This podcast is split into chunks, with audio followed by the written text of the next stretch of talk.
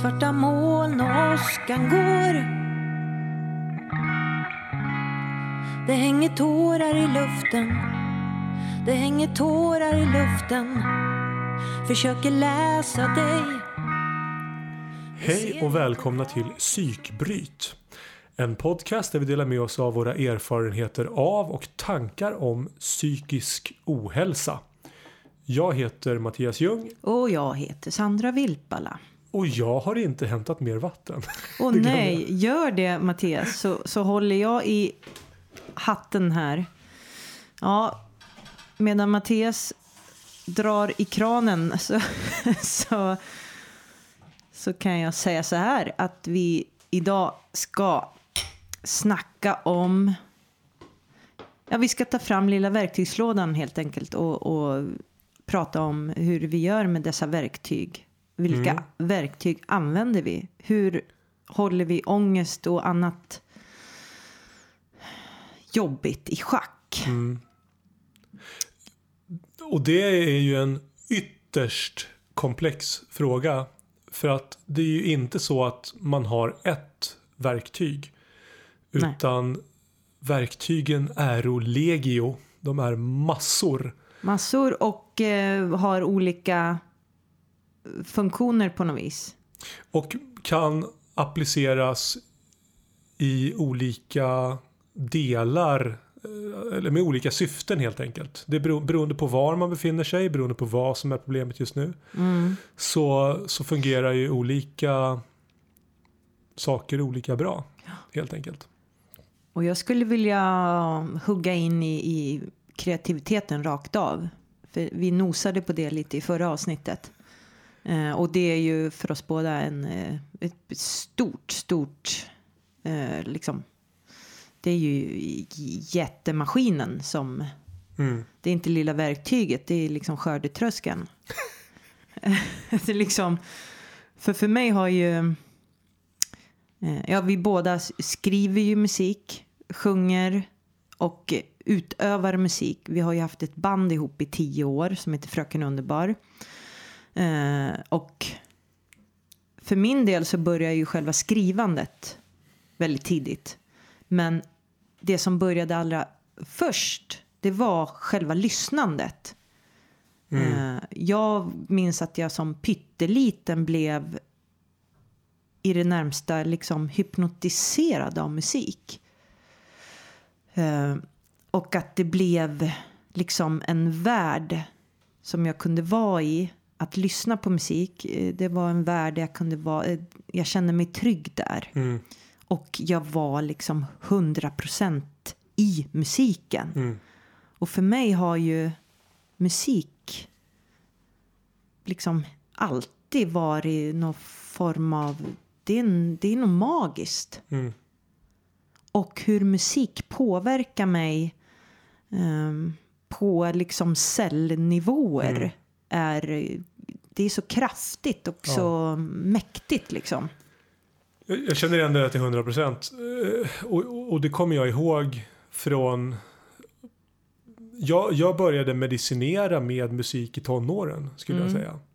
Då hade jag olika spellistor för att korrigera sinnesstämningar. Ja, ja men enkelt. gud. Ja. Så att, så att om jag kände mig förbannad då hade jag en agro-spellista som fick bränna igenom mig och förgöra alla de här onda känslorna. Och kände jag mig vemodig och ledsen så hade jag en, li- en lista som tog hand om det. Så att, så att eh, det, det känner jag absolut igen. Och det är så roligt när jag tänker på det för att eh, jag, när jag var liten, jag menar det var inte, det fanns ju inte liksom tillgång till musik på det sättet som det ju, gör nu.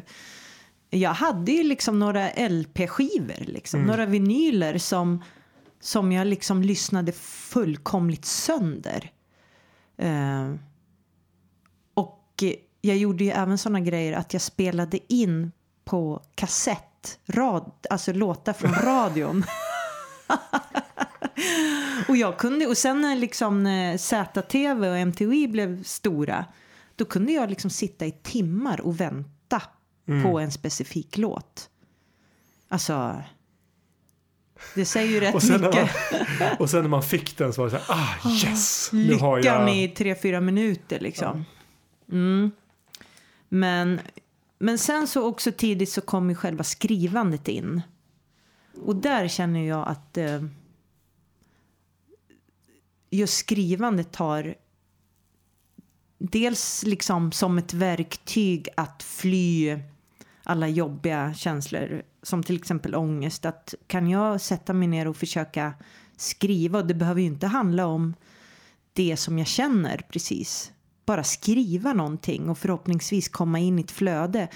Då, då, då känner jag inte ångesten längre Mm. utan då är jag i, i den här världen som är helt fantastisk och då kan ju lätt sex timmar bara försvinna och så fattar man inte oj det var mörkt där i rummet eller oj vad hungrig jag är eller oj oj oj.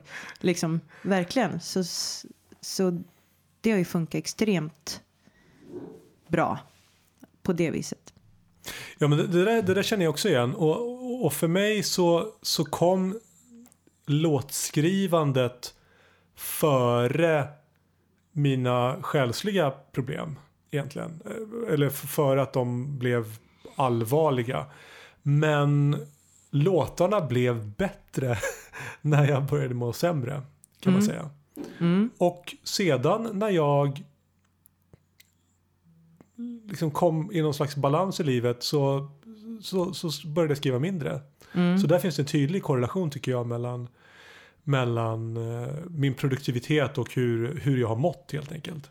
Ja men verkligen om man snackar produ- produktivitet. Det är alltså när jag är i starka känslor och det behöver ju verkligen inte vara att jag är extremt ledsen Mm. eller liksom eh, eh, liksom ångestfylld eller vad. Jag kan vara extremt glad också. Då producerar jag väldigt mycket i de här starka känslorna. Det är när Mm. man är i det här mellanlandet. Det är då det kanske inte blir så mycket gjort liksom. Mm. Eller längst nere. Uh, ja, men då kan det också i och för sig. Om man orkar. Men, men något jag upptäckt som är väldigt spännande. Det är att jag många gånger har skrivit texter. eh, som, ja, vissa av dem har blivit låtar. Och jag tror att jag skriver om något specifikt. Men sen när det har gått några varv och så här långt senare, låten kanske har släppts och det är liksom, så inser jag att men shit, den här låten handlar ju om något helt annat. Då är det som att mitt undermedvetna har liksom snackat med mig eh, och eh, alltså jag har blivit helt liksom helt lurad eller vad man ska säga. Eh, och, men då, då kommer det ju verkligen in det här terapeutiska i att skriva. Att jag skriver om saker och så liksom så är det något som annat som styr liksom. Och resultatet blir något annat än vad jag trodde att jag skrev. Har du varit med om det? Nej, det har jag väl inte. Och, och det har väl att göra med flera saker. Dels så har det väl att göra med att jag jag har aldrig varit lika textfokuserad som du har varit. Sant. Eh, Och när jag har varit det, då har jag varit väldigt... Då har jag skrivit det jag har känt. Du, du, är, du har ett ganska poetiskt språk med, där det finns ett tolkningsutrymme. Jag har Jo. varit mer ordagrann. Och då, mer konkret. Ja, Så, mm. precis. Och, och då finns ju inte den här tolkningsmånen på samma sätt. Men, men det är intressant för att för att koppla tillbaka till det som du sa att, att, att den här, eh, det här eh, måendet då har ju på något sätt flera Måendet och skapandet samspelar ju på något sätt och har flera olika funktioner. Alltså det dåliga måendet blir inspiration till skapande processen som blir medicin för det dåliga måendet. Just det. Och det är ju lite vackert. Det är ju hur vackert som helst. Och jag tänker bara om vi ska snacka liksom kreativt flöde. Alltså det är någonstans det som jag, alltså det tillståndet. Det är något jag liksom ibland försöker jaga. För att det tillståndet är ju bara fantastiskt. Och det är, det är ju liksom perfektion Jag saknar det. Det, Ja. det är nästan 15 år sedan som jag med någon slags regelbundenhet ägnade mig åt, åt sånt. Eller 10 Men- i alla fall. Ja, ja. Nej men det är ju där, i den världen skulle jag vilja vara i alltid liksom. Och det är väl det som också blir en drivkraft i att man vill, man vill vara där. Jag vill vara där. Eh, och därför så kan jag liksom inte sluta producera musik eller texter liksom. För att eh, jag måste göra det. Eh, jag menar, jag är aldrig så lycklig som när jag eh, ja men typ man repar och man hamnar i det där flödet Ja. och vi musicerar tillsammans och, och vi är på samma planet liksom. Lyckan i det och Ja. eh, friheten i det och tryggheten i det. Det är ju bara, det är bara, åh. Det är ju den bästa orgasmen man kan få och den kan liksom va- vara i flera timmar. Vem vill inte ha den liksom? Ja, nej, men jag, kan, jag, jag, håller med, jag håller med till 100 procent. Det, är ju... Och den, jag menar, det, det bästa är ju när man är i, i replokalen och det händer. Saker och ting faller på plats och det börjar låta rätt och det börjar låta jävligt bra. Ja. Det är en otrolig kick. Och det är också, men det är också en otrolig kick när man, när man sitter och skriver och man får till det på något sätt. Exakt. Man hittar den här grejen Ja, som man inte riktigt vet var den kommer ifrån. Ja, det bara är där. Och, och det där får jag också när jag sitter, när jag gör mina demos. När jag Mm. börjar och jag bara känner att det bara... Alltså, åh, Om man är, om man är så här, Det man är så, ruset. Ja, om man är så odu, man är så o, inte oduglig, man är så odödlig. ja. Och man tycker att man är så jävla bra. Mm, yes, då kommer hybrisen in också Ja, men- där. Och ja, sen precis. dagen efter när man lyssnar på, på det så bara, fan jag är sämst i världen. Men, är så, Eller när man, när man presenterar låten sen för sina bandkompisar. Då är man inte lika kaxig. kaxig. Ja. Men jag tänker också om vi så här, kopplar till det vi sa förra avsnittet att eh, vi har ju verkligen förmågan att uppleva de här, alltså ruset, eh, the high liksom. Eh, och det, det är ju fantastiskt att kunna göra det liksom. Så ja, Men, men hur, hur tänker du kring det här med medicinering då? Är det, det pratade vi om för ett par avsnitt. Är du... För jag vet att du helst inte medicinerar. nej. Och, för att man blir lite kapad liksom. men är, är du Mm. rädd för att det ska käka upp din kreativitet? Finns den oron? Jag, Nu finns den där. Mm, nej men det är klart att jag har tänkt på det för jag fick frågan ställd av min eh, terapeut. Eh, om vad som händer med, med kreativiteten. För det, det är något som vi har pratat om mycket i min terapi. Eh, och just eh, eh, hur viktig den är för mig och hur den faktiskt har gjort att jag har klarat mig igenom so far jag har sagt några gånger, jag tror att jag kanske har nämnt det också i något av programmen vi har spelat in, att jag upplever verkligen så att skrivandet och mus musicerandet har gjort att jag har hållit mig på rätt sida av galenskapen liksom. Jag tror att jag skulle ha kostat samhället betydligt mycket mer pengar eh, om jag inte hade haft skrivandet och musiken. Eh, vad var frågan? Medicin? Ja, just det. Frågan är Mm. om du, om du är rädd att, att medicinen ska ta din kreativitet. Jag tänker så här, om, om, om mitt läge är så pass illa, om jag mår så pass dåligt, vilket jag gjorde, jag berättade om min eh, svacka här för några veckor sedan. Jag ringde faktiskt i desperation till ångestmottagningen och sa att jag måste ha en läkartid för jag måste börja käka medicin precis exakt nu för jag står inte ut.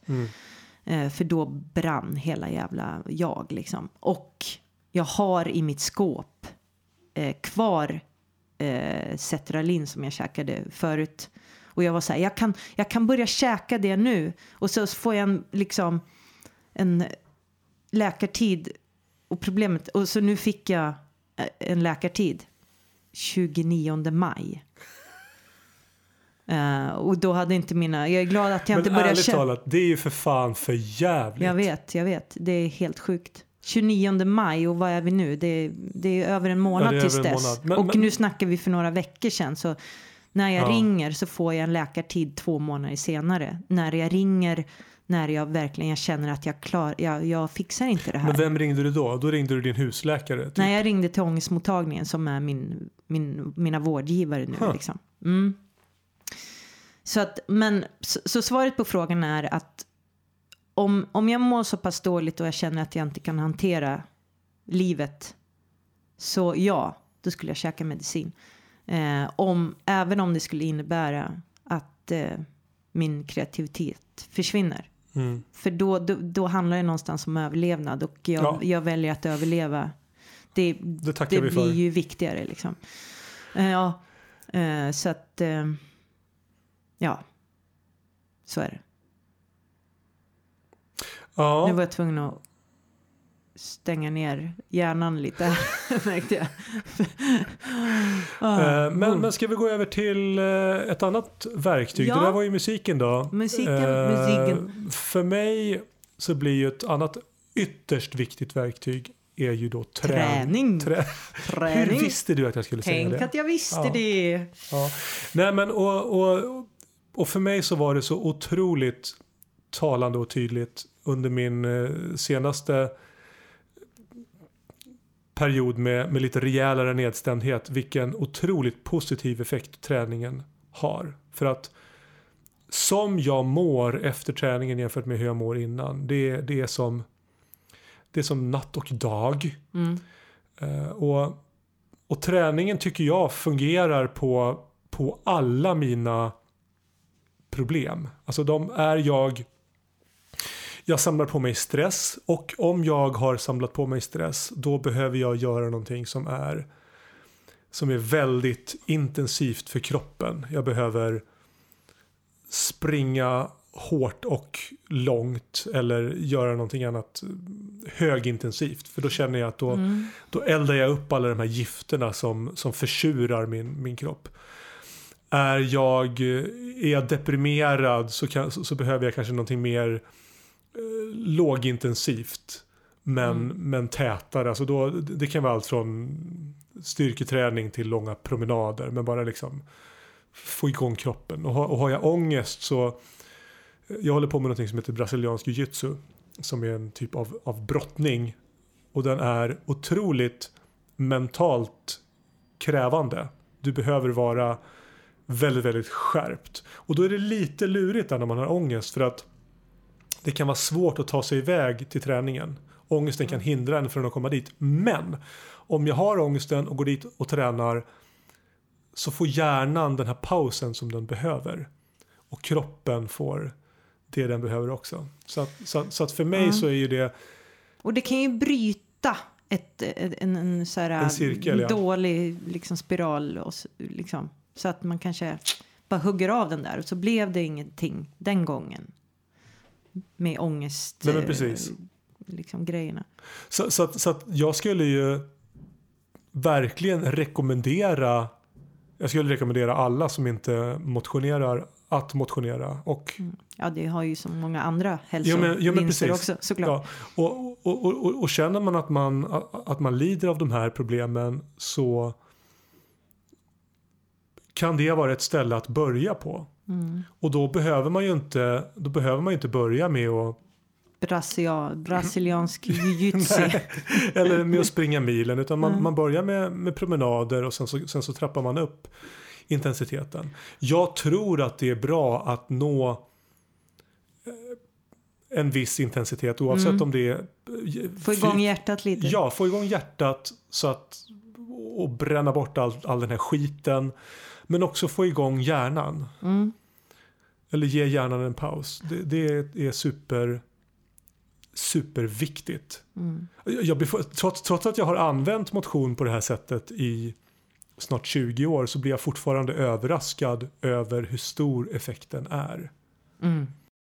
I, nu för tiden så tränar jag i princip varje dag men, men även innan jag gjorde det när, när jag tränade lite mer normalt än två, tre gånger i veckan så, så kände jag ju tydliga effekter av det. Alltså hur, hur, hur, min, hur mina stressnivåer gick ner och, och så. Så det här har jag ju alltid mm. använt för att, för att hålla de bitarna i, i, i balans.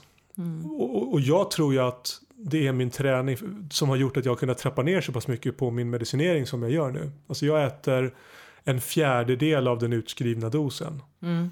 Och det tror jag är, om jag inte tränade på det sättet som jag gjorde så skulle jag behöva äta mer medicin. Mm. Så att uh, ut, och, ut och träna folk. Mm. Jag gjorde, precis som jag upptäckte vad musiken hade för effekt på mig tidigt så upptäckte jag också att träning har det. Uh, jag har ju alltid tränat i någon form. Jag har testat väldigt mycket, men framförallt det jag gjorde, ja, fram tills egentligen nu, så har jag tränat just det här högintensiva för att jag kände liksom ju jobbigare det är och kanske också mer avancerat desto mer kopplar jag bort liksom allt det andra. Då måste hela hjärnkapaciteten mm. bara liksom vara fullt fokuserad på att jag, ja men typ ett tag så gick jag en så här äh, ganska avancerad så här aerobics när man liksom ska verkligen eh, hålla, hålla igång alla liksom lemmar. Så. Och det kräver ju verkligen full koncentration. Och sen också att just träna så pass hårt. Alltså, I många år var jag så här att den bästa träningen är den när man kryper ut i duschen. Det, det uppskattade jag väldigt mycket. För då, det var ju som du var inne på, alltså man bara blåser ut hela hjärnan och man får paus. Hjärnan får liksom... Man, man står i duschen och sen så kopplar man loss duschmunstycket ja. och sen så bara, åh nej, jag orkar Lägg... inte lyfta det, jag kommer bara duscha aj, fötterna aj, idag. Ja, ja, ja, precis. Men sen eh, så har jag, som jag har varit, nämnt någon gång här, eh, nu senaste ett och ett halvt åren ungefär, alltså sen jag blev så väldigt eh, sjuk och i stort sett en grönsak för lite över två år sedan i utmattning eh, så mm, sökte jag mig till yogan. Eh, och då, yoga kan ju vara väldigt hardcore men på det mera, vad ska man säga, uthålliga ehm, eh, statiska sättet liksom. Mm. Eh, och hela yogafilosofin eh, går ju ut på att man ska använda andningen. Eh, eh, alltså yoga har egentligen ingenting från början med själva rörelserna. Alltså yoga är bara yoga om andningen och eh, medveten, medvetenheten är med. Annars så tränar du bara. Då mm. tränar du. Eh, men ska du praktisera yoga så är det ju liksom eh, att hitta in i kroppen och få bort hjärnan. Det är en form av meditativ eh, praktik liksom. Mm. Eh, och när jag förstod det så, så förstod jag också att det här kan verkligen hjälpa mig med mina, liksom all, den här utmattningen. Men det är ju extremt svårt. Då finns det en, en form som heter yin-yoga och den den bygger ju på att man verkligen, då är man i positioner i allt, ja men upp till kanske sju minuter. Eh, då man kommer åt bindväven som kapslar in alla våra delar för att hålla liksom allting på plats. Och den kan stelna till och den, den når man bara när allting är avslappnat. Och då betyder det att hjärnan, om liksom är jag stressad, mm. är jag mycket alltså snurrar det mycket i hjärnan då är det ju helt vidrigt för mig att hålla en stilla position i liksom fem minuter. Så där kom det ju verkligen inte. Jag har ju, jag har ju tillbringat så många gånger på mattan på mitt yogaställe gråtandes. Mm. För att man också kommer ju åt. Mm. Jag menar allting sitter ju lagrat i i kroppen minns och det finns i cellerna och jag tycker mig har förstått var vi har ju i våran bröstrygg, där sitter ju våra liksom känslo chakra. I yogan pratar man om chakran liksom, men där, där samlas liksom våra stora känslor.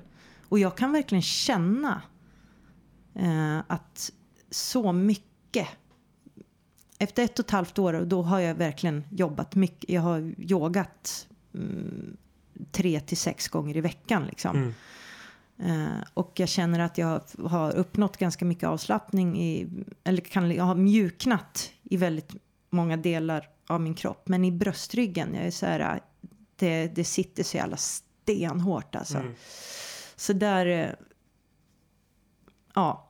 Nej men jag blev ju, jag slutade ju med den här yin-yogan och gick mer på de här dynamiska eh, yogapassen ett tag för att jag just, jag bröt ju bara ihop. Jag Mm. satt ju där och grät liksom och jag kände det, det är pinsamt, det är utelämnande och jag ligger här och snorar medan folk försöker liksom gå in i kroppen och i, liksom.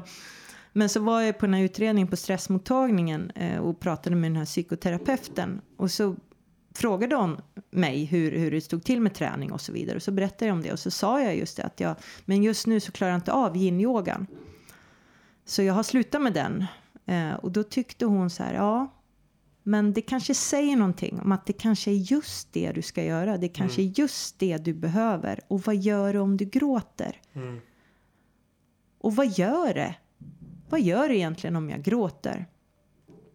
Eh, det är ju ingen katastrof överhuvudtaget. Eh, jag har ju liksom, yogaläraren har ju kommit med papper liksom. Och jag snyter mig och eh, kör vidare liksom. Men ibland har det verkligen, men det är egentligen bara en gång som jag fått bryta för jag låg liksom och hulkade, du vet, liksom Ja. från tårna. Och, ja, så att, men, men det är också det att för mig är ju verkligen utmaningen när jag eh, har tränat så väldigt explosivt alltid. Eh, att gå in i det här, alltså mindfulness, liksom försöka meditera och, och Men är, är, det, är det någonting... Hör det här liksom till yoga? Alltså, har du sett andra som reagerar på liknande sätt? Eller eh, vet du om instruktörerna har mött det här uh, annars också? Eller är det... Jag tänker att det är många, många med just ja, men stress och utmattning och även ångest och så vidare söker sig just till yoga Mm. på grund av att det är den här äh, helhetsfilosofin som man verkligen och jag, jag känner att det har hjälpt mig så väldigt mycket. Jag har fått en mycket större kontakt med min kropp som jag ju har eh, bara ignorerat hela mitt Mm. liv, alltså bara inte lyssnat. Eh, så att yogan har hjälpt mig extremt mycket. Eh, sen går jag ner på gymmet också och, och rycker lite och sådär i, i det. Eh, och promenerar mycket. Jag tänker på det här med att, att känslorna kommer fram under träning. Det har jag varit med om också under Mm. några få löppass där jag har själsligt mått sämre efter än innan. Och då har Mm. min tolkning varit att, eller som jag har känt har varit att jag har egentligen varit bedövad Ja. när jag har gett mig ut. Och Mm. det här löppasset har då gett mig tillgång till, till mina känslor. Så att även Det är om som det... att du släpper dina, försvaret Ja. kanske där. Att du, Ja, så att, så att även om, även om, eh, om den känslan rent akut inte är speciellt angenäm så, är det en nyttig känsla för att jag behöver komma närmare den för att, Mm. för att, kunna, för att kunna må bättre. Mm. Man får se det som liksom en... eh, alla de här sakerna är ju bra. Mm. Att... eh, eh, ja, ibland så kanske det blev så med träningen att det förlöste någonting. Mm. Och det är ju bara, bara, bara bra. Även om det kanske inte var det man ville ha. Men ja, nej det är bra grejer. Jag tänkte på en annan sak som du sa, eh, ett annat verktyg. Du pratade om yoga och du pratade om andning. Mm. Och andning är ju ett jättebra Ja. verktyg. Mm. Och det har ju jag lärt mig via, via KBT. Mm. Alltså vikten av att, att andas. Och när jag får en, eh, en oros... eh, När jag känner att, en, en, att oron är på väg, att, att, att ångesten är antågande. Att liksom stanna till och bara andas djupt. Mm. kan, kan, kan rädda mig från en, från en attack. Ja, för det, det är ju så att vi i stort i samhället, vi, vi andas alldeles för ytligt. Mm. Vi andas inte. Och när vi... det är också det att vi inte bara ska andas in djupt. Vi måste också... När vi andas ut så andas vi ut en massa koldioxid som eh, liksom kroppen som ska ut liksom. Och andas vi inte ut riktigt då blir den där koldioxiden kvar liksom och blir liksom gift. Jag menar, jag har ju fan fött barn med hjälp av andning, liksom profylax. Och det ser man ju, alltså, om man andas med smärtan istället för att hålla andan när det gör ont, då förstärker vi bara smärtan. Så andning är ju, det är alltså basic, ba- det är ju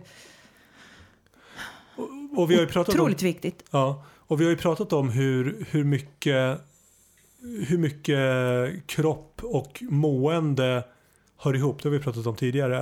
Jag pratar ju om att jag känner mig förgiftad när jag har ångest eller känner mig stressad. Och att, och att stress samlas som spänningar i kroppen. Det är ju liksom också självklart. Men, men det fungerar faktiskt åt, åt motsatt håll också.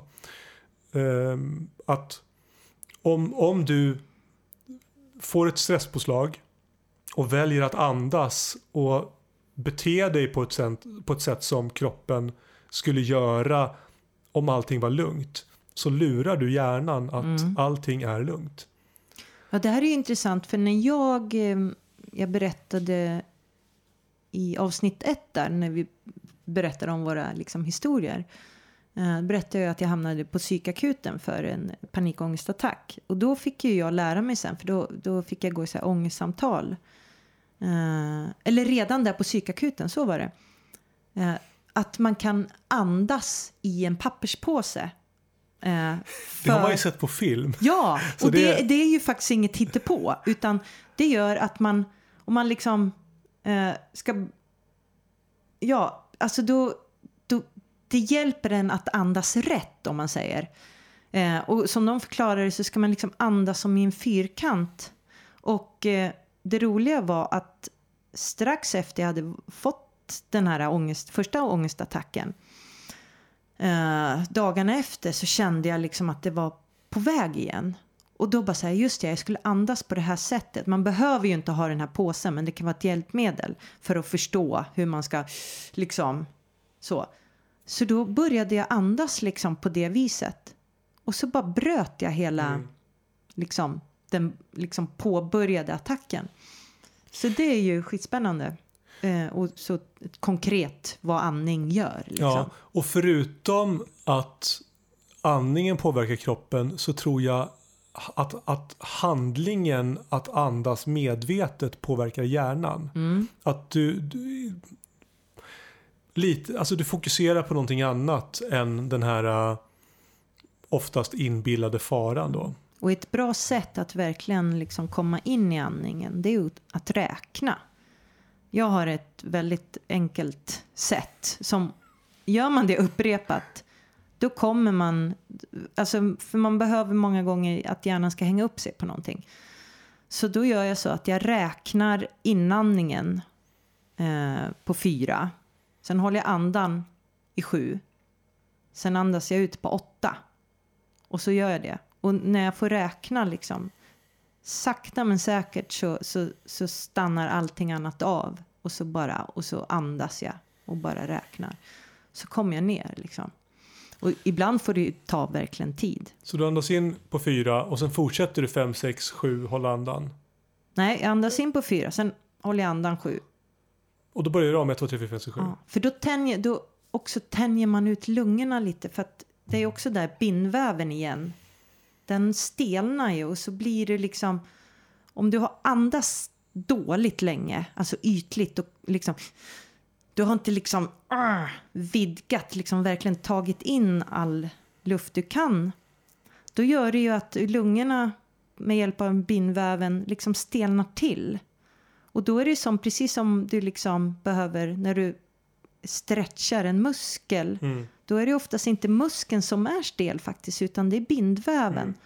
Eh, när du upplever att du känner dig stel så är det ofta spinväven. Liksom. Och den behöver tid. Liksom. Och om man då håller andan lite så, så är det som att då stretchar man lite på lungorna som gör att man kan andas liksom bättre. Uh, så, och nu börjar jag andas här. Nej men så det är ju, det finns ju en massa liksom bra andningsövningar man kan göra. Man kan ju lägga till en rörelse också eh, som man gör ju i yogan. Det är ju mycket liksom, rörelserna har ju kommit till för att hjälpa andningen. Eh, så det liksom, andningen var ju först, sen kom rörelserna liksom. Eh, och alla bra träningseffekter av de här rörelserna som oftast är, kan, liksom finns i flera steg och som kan vara väldigt avancerade om man vill. Så.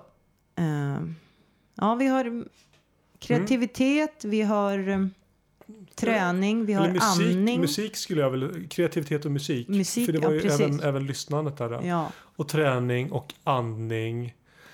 En sak som jag gör när när ångesten är så där äh, vidrig och den liksom bara inte ger sig. Och du har ju sagt tidigare, jag upplever ju mig som otroligt jagad. Det är en, en jagande känsla och, och när det blir liksom kommer till, eh, jag vet inte vad jag ska göra av mig. Jag, det, det är liksom inte så pass att jag har ron och möjligheten då kanske att sätta mig ner och kanske skriva mig ur det då, då börjar jag rensa. Då rensar jag grejer. Det är då jag tar tag i det där skåpet som en katastrof. Liksom. Och börjar organisera och eh, styra upp. Och jag vet, du, du har dina lister. Alltså man börjar liksom eh, styra upp. Och det är som att man styr upp sin värld på något vis genom att rensa i det där skåpet. Min teori är att om man är orolig på insidan så behöver man ordning på utsidan. Ja, ja. Man, om man har ordning på insidan då kan man hantera att det är lite oroligt på utsidan. Precis, annars blir allting bara katastrof. Ja, folk har ju uppfattat mig lite som eh, pedant. Mm.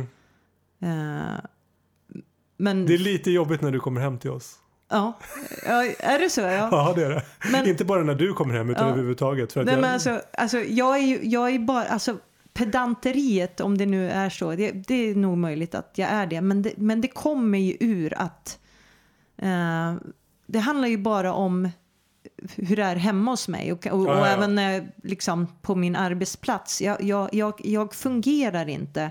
Jag kan liksom inte, är det för rörigt, ligger det för mycket grejer hit och dit, då blir det liksom allting rörigt, både mm. yttre och inre liksom. Så att det är ett sätt för mig att balansera upp det där det där är ju en, en ständig kamp eh, och, och, och, liksom hålla, försöka hålla lite ordning. Och, jag märker ju det när vi, när vi har liksom samlat våra krafter och gjort fint hemma. Så, så, så, så mår jag bättre. Mm. Fuen Chi, eller vad heter det? Shui, ja. Feng Shui, men det, det ja precis. Ja, det, vet, det, är någon annan grej, men ja, i alla fall. Ja, precis. Jag vet för lite om det. Man rensar bort Ja, Sen, men, ja, ja. ja, men... Det är inte för mycket som stör ens liksom, synintryck. Så. Precis, precis. Man är, inte, man är inte under ständig attack av ja, o, men, oredan, mm, kaos. Mm, men sen har ju jag, det har ju även, alltså pedanteriet har ju tidigare för mig varit alltså maniskt också. Eh, tills jag flyttade ihop med en kompis som var the opposite. Så att eh, bara för att vi båda skulle överleva och kunna bo ihop så fick vi mötas någonstans på mitten och det var ju svinnyttigt för mig. Så nu är jag liksom, ja men som du säger, jag har disk där. Förut hade det inte kunnat förekomma. Mm. Nu kan jag titta på disken utan att känna ett oerhört starkt liksom, och jag måste, I need to. Nej, så jag kan relaxa. Men det är lite olika vad jag, hur jag mår liksom. Men men absolut, jag tänker bättre när, när det inte är för mycket i mitt synfält så att säga. Ja. Ja, men organisera det man kan på något sätt. Eh. Ja. Men sen nu jobbar ju jag med, alltså, med att så här,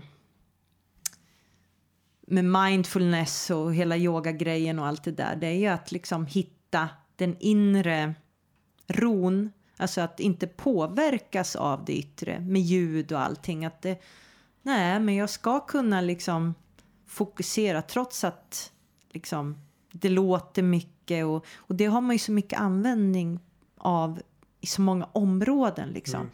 Att man kan gå inåt. Ja, men om man åker tunnelbana och det är liksom, man känner att det är, åh, det är för mycket liksom. Att man då kan bara tjoff. Och, och jag vill verkligen bli väldigt bra på det. Mm. Eh, och nästa steg är väl att någonstans lära mig meditera också. Mm. Eh, men det, det är ett senare projekt. Det tror jag vore väldigt nyttigt. Jag, jag känner att jag fyller mina pausar i livet med fel grejer. Mm. Eh, Jag fyller dem med Facebook och, och Mm. spelappar. Ja. Istället för att fylla dem med, med, med stillhet. Jag tror jag skulle må Mm. bättre. Jag tror att ett första steg är väl kanske att bara tillåta sig att göra ingenting Ja, i fem minuter. Ja. Att bara sitta liksom. Vi gör det alldeles för lite. Eh, Man behöver inte ta fram mobilen, men den är ju otroligt beroendeframkallande. Det vet vi ju liksom. Jag undrar om den här splittringen av uppmärksamhet. Det, det, här är bara en, det här är bro science, det här är bara en gissning. Men, men den här splittringen av uppmärksamheten. Att man har man, man tittar på någonting på tvn samtidigt som man kollar Facebook på sin mobil och mailen på sin surfplatta. Oj, oj, oj. Jag tror, nej, nej, jag tror alltså jag, jag har absolut inga ju- belägg, ja. men jag tror inte att det är bra. Jag tror att det, och, och, och där försöker jag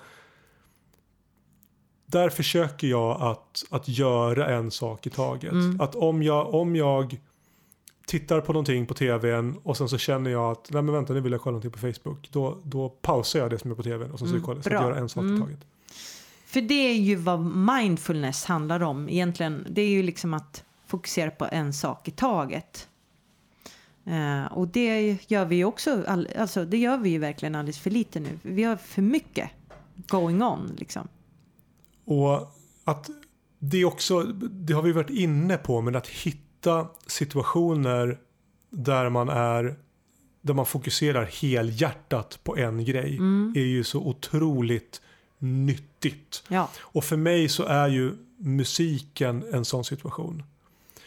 Eh, när jag kör jujitsu så är det en sån situation där man gör någonting som är så svårt så att ingenting annat ryms. mm. Sex är en annan sån situation. Mm. Där- man, det, det finns liksom ingenting annat.